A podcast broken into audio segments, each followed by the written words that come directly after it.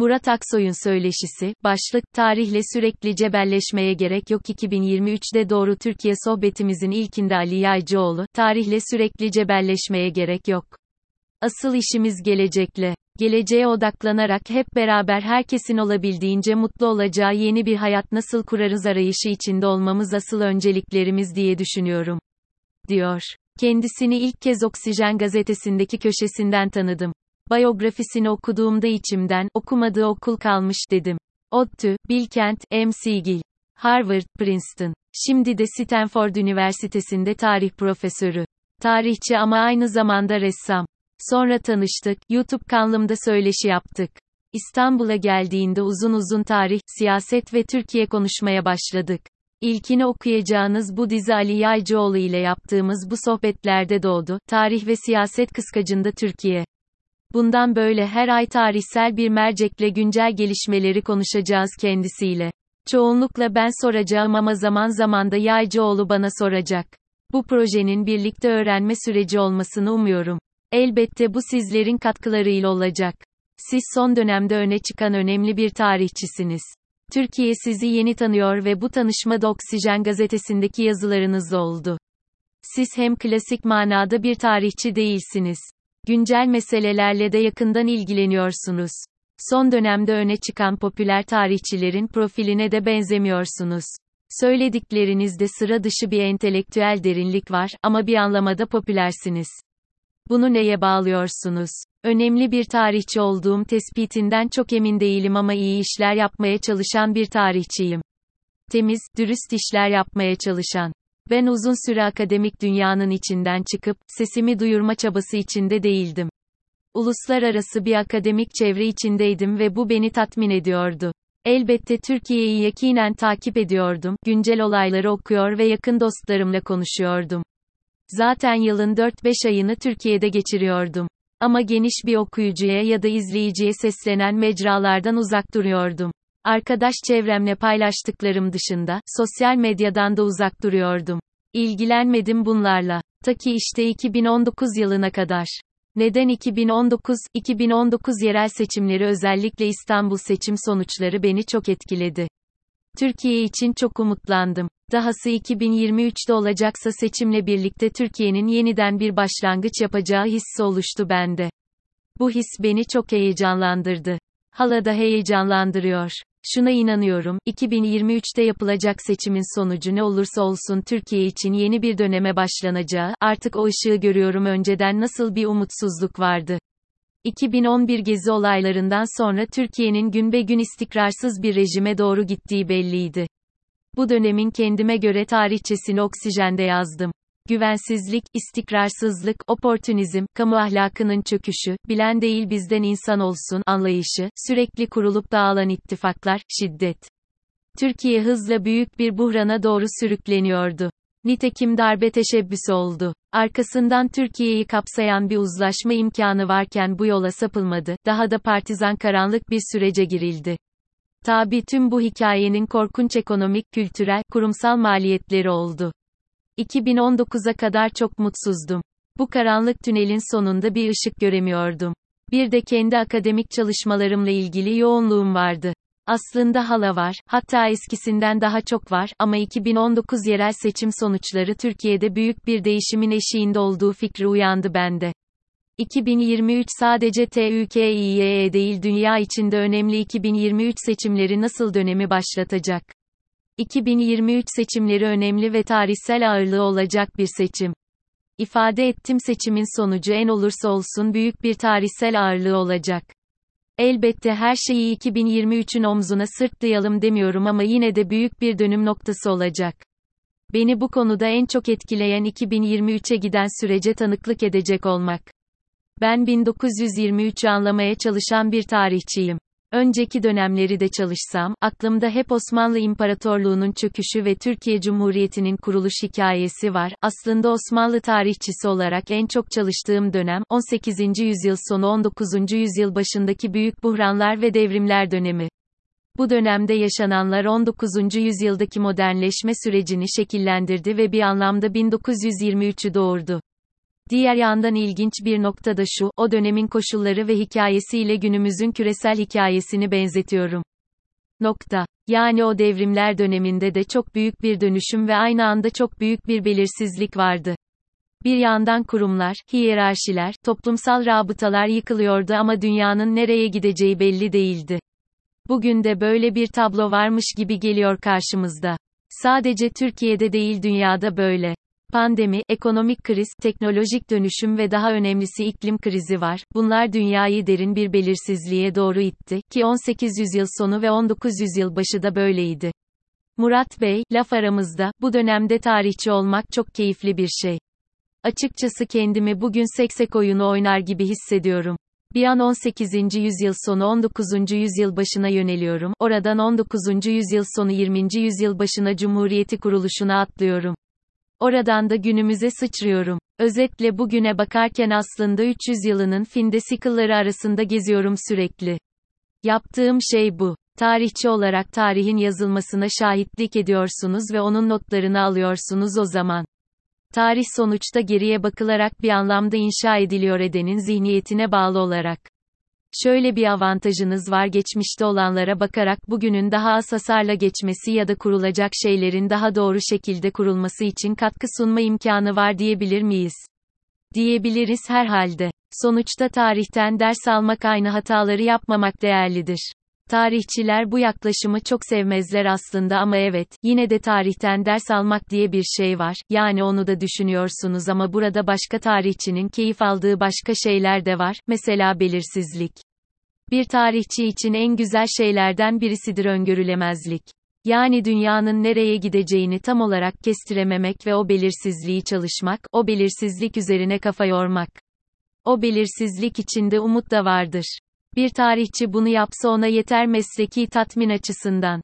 Şu anki durumum biraz da bu herhalde.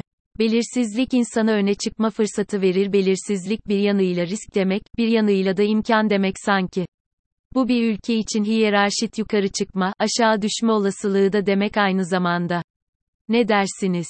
Kesinlikle öyle. O yüzden böyle dönemlerde alınan kararlar çok önemli. Diğer yandan şunu ekleyeyim, belirsizlik aynı zamanda insanın tarihteki rolünü artırıyor. Nerede belirsizlik var, orada insana daha çok rol düşüyor. Eğer bizim gideceğimiz yön belli olsa, mesela 1900'lerin sonunda olduğu gibi komünizm yıkılmış, tarihin sonu gelmiş diye düşülen dönemde neredeyse herkes aynı yöne gittiğini düşünüyordu. O dönemde tarihçilik hiç keyifli bir şey değildi.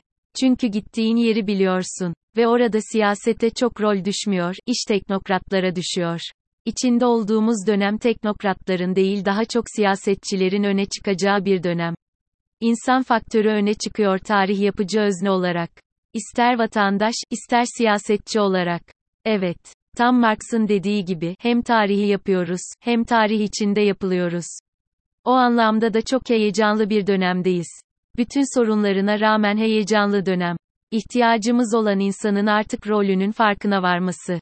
Bu da ancak farklı fikirlerin birbiriyle konuşabilmesi, iletişim içinde olması, çatışması ama aynı zamanda bir ortak fikirde uzlaşabilmesi.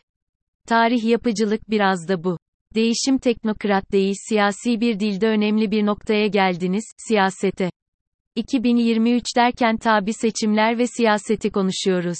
Yaptığınız bu teknokrat ile siyasetçi ayrımı geçtiğimiz haftalarda net biçimde İyi Partili Bilge Yılmaz ile CHP Genel Başkanı Kemal Kılıçdaroğlu'nun savundukları siyasi pozisyonlarında gördüğümüzü düşünüyorum. Bilge Yılmaz, siyaseti dışlayan ve Türkiye'nin değişimini teknik reformlara indirgiyor sanki. Evet, haklısınız.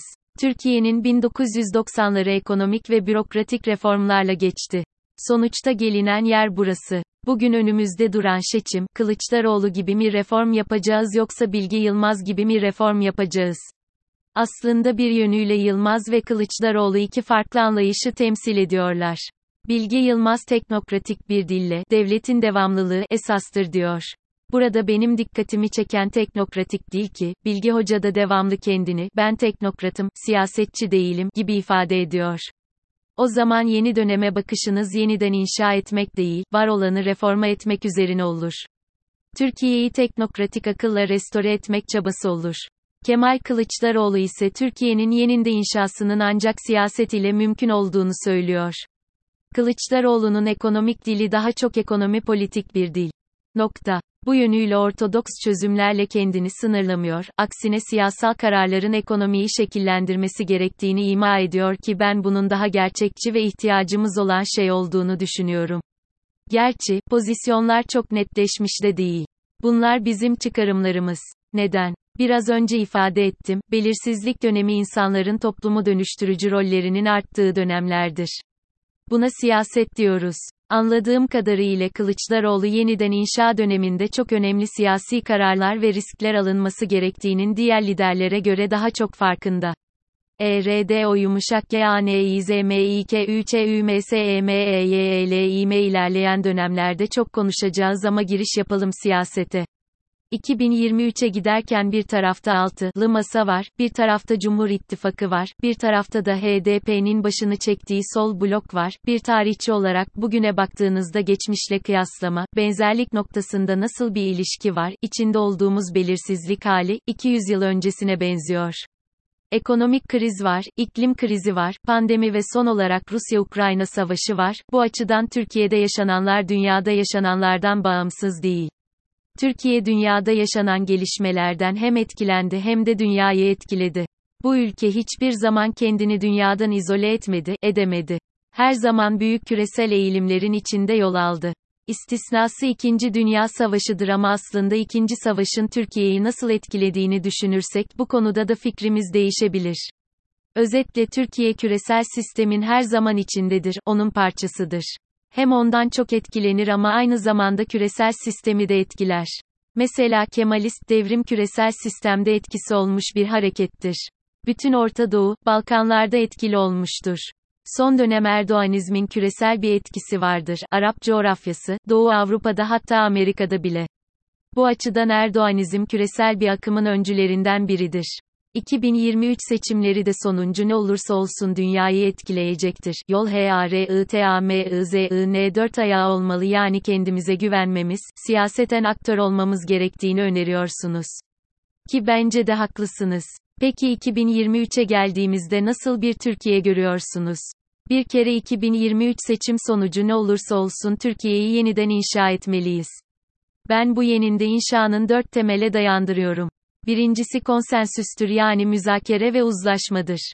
Tüm toplumsal kesimler müzakere etmeli ve nasıl bir ülkede yaşanılması gerektiği konusunda belli bir uzlaşıya varmalıdır. Buna yeni bir sosyal sözleşme denebilir.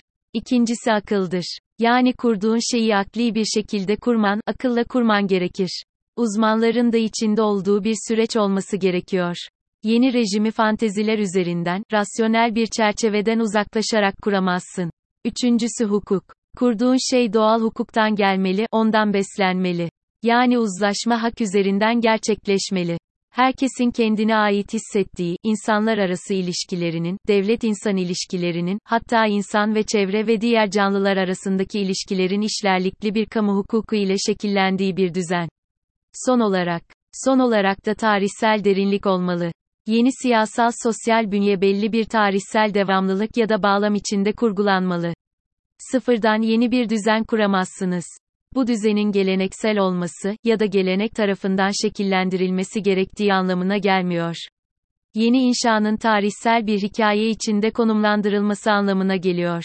6. Masada özellikle Kılıçdaroğlu sadece bu süreçte değil geçiş sürecinde de altı liderin uzlaşmasının önemine vurgu yapması bu açıdan olumlu okumak gerek sanırım. Evet, bu açıdan Kılıçdaroğlu'nun siyaseti ben önemli buluyorum. Ama yeterli mi bilmiyorum. Bence önemli olan altı, masanın uzlaşması değil. Altılı masanın daha geniş, toplumun bütün kesimlerinin bir şekilde yer aldığı, temsil edildiği geniş bir uzlaşmanın önünü açması, ona imkan sağlaması, Türkiye'yi bu yönde hazırlamasıdır. AK Parti tabanı yaratılmış bir TABANDIR daha geniş derken içinde Cumhur İttifakı'nın, HDP'nin ve herkesin olduğu bir uzlaşma yani. Eğer böyle ise ki, ben öyle olması gerektiğini düşünüyorum. Çünkü yeniden inşa sürecinde tüm toplumsal kesimler sürecin içinde olmalı. AK partiler, MHP'liler, HDP'liler, sol gruplar dahil. Bunu mu kastediyorsunuz? Bir yönüyle evet. Ama tabi toplum siyasal partilerden ibaret değil. Müzakere ve uzlaşma arayışı toplumun çok farklı kesimlerinin, siyasal hareketlerin, sınıfların, etnik ve dini grupların ve tabi nesillerin temsil edilmesi gereken bir süreç. Nokta. Bu ütopik gelebilir ama en azından yeniden inşa olacak ise bu yeniden inşaya herkes katılmalı prensibiyle yola çıkmak ve toplumsal katılımı maksimize etmek gerekiyor. Bu pratikte nasıl olur ayrıca konuşmak, tartışmak lazım. AK Parti tabanını nasıl okuyalım? Parti aidiyetleri araştırmalarda çok yüksek görülüyor. Ben bu tabanın bir anlamda yaratılmış bir toplumsal taban olduğunu düşünüyorum. Eskiden olmayan ama geride kalan 20 yıl içinde yaratılmış bir taban. AKP tabanı ya da Erdoğan'a büyük bir gönül bağı duyan, ona büyük bir sadakat ile bağlı kesimin önceden var olan muhafazakar tabanın devamı olduğunu düşünmüyorum. Önümüzdeki dönemde bu insanlarla nasıl bir ilişki içinde olacağız, yeniden inşa süreci gerçekleşir ise, bu kesimlerle nasıl müzakere edilecek, bunlar önemli sorular. Bildiğim şey şu, bu kitleyi dışlayarak yeniden inşayı gerçekleştirmeyiz. Eğer Erdoğan seçimi kaybederse bu kitlenin hızlıca dönüşüme uğrayacağına çok emin değilim. AK Parti kolay kolay çözülmez AK Parti iktidarı kaybederse bu taban çözülür tezine katılmıyorsunuz o zaman ki, ben sizden biraz farklı düşünüyorum. Evet ben AK Parti iktidarı kaybetse bu tabanın direnebileceğini düşünüyorum. Belki MHP'de bir yükselme olabilir. Taban kısmen oraya geçebilir. Neticede MHP daha köklü bir parti. Tabi bu aslında Erdoğan'ın ne yapacağına, nasıl bir strateji uygulayacağına bağlı. AK Parti seçimi kaybedip güçlü bir muhalefet hareketi olarak devam ederse olaylar nasıl gelişir kestirmek kolay değil. AK Parti önemli, AK Partililer önemli. Bunları anlıyorum peki bunca bu 20 yıl içinde bir biçimde iktidarın mağduru olanları ne yapacağız? Onlar da adalet bekliyor. Bu çok önemli bir konu. Bu kadar mağduriyet yaşamış insanın adalet duygusu nasıl tatmin edilecek? Yeniden inşa sürecinde herkesin adaletsizlikten şikayet etmeyeceği bir uzlaşmayı üretmeliyiz ki, burada yargıdan çok siyasete büyük görev düşüyor. Yeniden inşa intikam alma, rövanş üzerine kurgulanmamalı. Yeniden inşa titizce tasarlanmış bir hak ve adalet mefhumu üzerinde yükselmeli. Geçmiş dönemde ana fikri, Erdoğan en büyük kötülüğü AK partililere yapıyor demiştim. AK Partili seçmenlerin diğer toplumsal kesimlerle arası açılıyor, get dolaşıyorlar mealinde bir yazı yazmıştım. Bana öyle geliyor ki, AK Parti iktidarı bittiğinde bu insanlar başka bir ruh halinde olacaklar. Ne dersiniz? Uzun süre önce Claude Berry'nin Uranus filmini izlemiştim. İkinci Dünya Savaşı sonrası Fransa Nazi işgalindeyken Nazilerle işbirliği yapmış insanların dramını anlatır. Bizi o insanların gözünden dünyaya bakmayı zorlar. Ben Fransız değilim ama ben bile zorlandım izlerken. Biz Nazilerle işbirliği yapmış Fransızların durumunu içeriden anlamaya çağıran güçlü bir filmdi. 1990 tarihli bu film beni çok etkilemişti. Üzerine çok düşündüm. Toplumların büyük adaletsizliklerin, iç savaşların, işgallerin, katliamların yaşandığı dönemlerden sonra normale dönmeleri çok zor olur. Bazen bu ara dönem unutulur ya da unutturulur. Üzeri örtülür. Bazen birden büyük bir kucaklaşma ve barışma ya da helalleşme olur. Bazen ise büyük bir hesaplaşmaya gidilir. Bu hesaplaşma iyi yürütülmez ise daha derin gerilimler çıkar. AKP dönemi olur da sona erer ise Türkiye'nin esaslı bir rehabilitasyona ihtiyacı olduğu açık. Bu nasıl olacak? Hiç de kolay bir mesele değil bu. Hatta rehabilitasyon sadece 2000'li yılları kapsayamaz.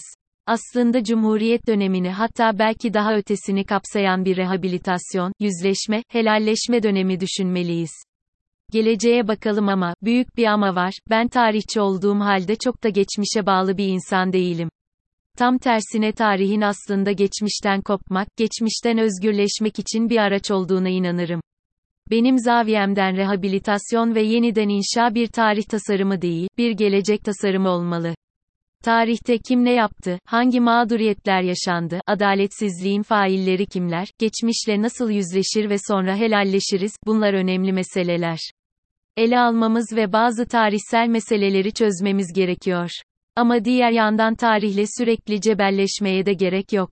Asıl işimiz gelecekle. Geleceğe odaklanarak hep beraber herkesin olabildiğince mutlu olacağı yeni bir hayat nasıl kurarız arayışı içinde olmamız asıl önceliklerimiz diye düşünüyorum.